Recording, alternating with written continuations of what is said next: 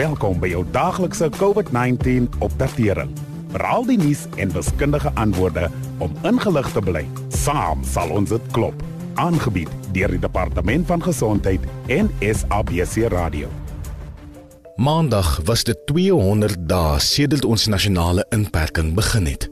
In die tyd het ons meer as 690 000 nuwe gevalle van COVID-19 en amper 18 000 sterfgevalle aangeteken.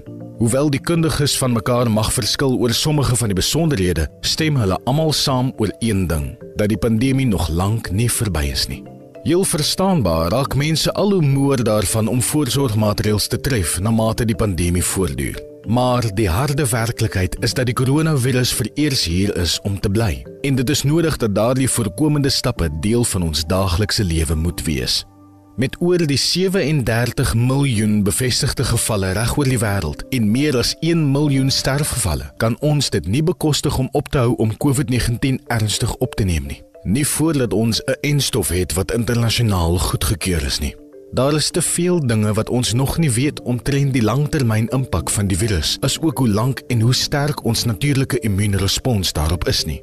Maandag het die hoof van die Wêreldgesondheidsorganisasie ook gesê kudde-immuniteit sonder 'n enstof kan nie as 'n doeltreffende respons op die pandemie beskou word nie. Hy het bygevoeg dat lande nie eenvoudig kan toelaat dat COVID-19 op 'n natuurlike wyse versprei nie.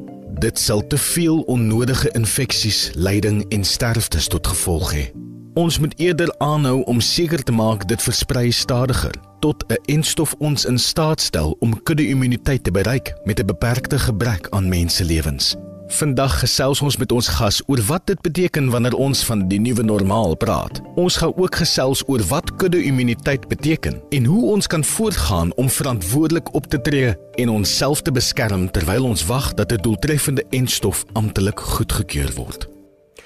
Ons gesels met dokter Liesel Visser, spesialis huisarts in die Saldanha Bay distrik en lektor aan die Universiteit van Kaapstad. Dokter, dit voel asof ons rondhang en wag om te sien wat COVID-19 gaan maak. Hoe sou jy dit beskryf? Op die oomblik is die virus redelik stabiel. Ons het 'n goeie idee van hoe aansteeklik dit is en hoe dit die mens aantas. Maar totdat ons 'n enstof het en genoeg van ons bevolking ingeënt is, is daar 'n redelike groot gevaar van 'n nuwe toename in infeksies veral as ons gemaklik word en lui raak om die voorsorgmaatreëls wat ons beskerm te volg. Die grootste bekommernis is wat ons superverspreidingsgeleenthede noem. Dis by einkomste soos partytjies of troues of begrafnisse waar selfs een of twee besmette mense die virus aan talle ander kan oordra. Uit onlangse studies blyk dit dat die meeste mense wat die virus het, dit nie aan 'n klomp mense gaan oordra nie maar daar is wel 'n klein hoeveelheid mense wat baie aansteeklik is en dit wel wyd kan versprei. Navorsers het byvoorbeeld na kontakopsporing in Hong Kong gekyk, het gevind dat 19% van die mense verantwoordelik was vir die verspreiding van 80% van infeksies. En gewoonlik is daar swak voorkomingspraktyke by hierdie superverspreidingsgeleenthede, want dis mense wat naby aan mekaar staan sonder maskers met swak ventilasie en waar handhygiëne nie toegepas is nie. Ja, 'n bietjie skrikwekkende idee dat so min mense die virus onder soveel ander kan versprei. Beteken dit ons gaan nou vir ewig so moet lewe, ingeperk, bang vir mense kontak, maskers op die gesigte en so aan en so voorts? Ek dink ons sal die dra van maskers, handhygiëne en distansiering moet aanvaar as ons nuwe normaal totdat ons twee baie belangrike goed in plek gekry het. Nommer 1 is 'n effektiewe enstof en nommer 2 is dat genoeg mense daarmee ingeënt is. Van daardie punt af behoort COVID meer soos ander bekende siektes te wees. 'n Goeie voorbeeld hiervan is measles. Die meeste kinders word daardien ingeënt. En ons sien wel van tyd tot tyd klein uitbrake van measles, maar dit affekteer klein groepies mense, gewoonlik in dieselfde gebied of gemeenskap, en dit verdwyn weer vinnig omdat genoeg mense immuun is, wat beteken daar is net nie nog mense vir dit om heen te versprei nie. En dit is wat bedoel word met kudde immuniteit. Kan jy vir ons 'n bietjie meer vertel oor uh, hierdie kudde of dan ook groepsimmuniteit en hoe dit 'n mens beskerm?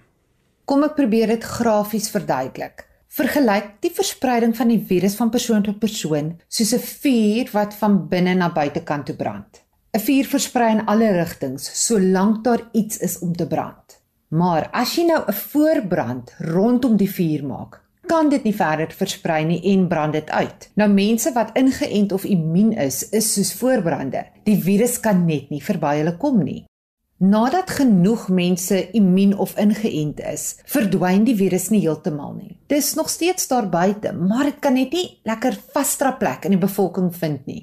En die voorbrand dien as die beskermende sirkel rondom oningeënte mense. En dis basies hoe kudde immuniteit werk. Goeie prentjie wat jy daar geskets het, maar wanneer kan ons dan nou 'n enstof verwag? Wat wat word in die mediese binnekringe gesê, dokter Visser? Daar is verskeie maatskappye wat besig is om moontlike entstowwe te ontwikkel en te toets. Die Wêreldgesondheidsorganisasie hoop dat ons teen die einde van die jaar een sal hê, maar dit neem gewoonlik jare om entstowwe te ontwikkel. Maar om te bewys dat 'n entstof werk, is net die eerste stap. Daarna sal ons miljarde dosisse moet maak om reg oor die wêreld te versprei. En dit gaan tyd neem.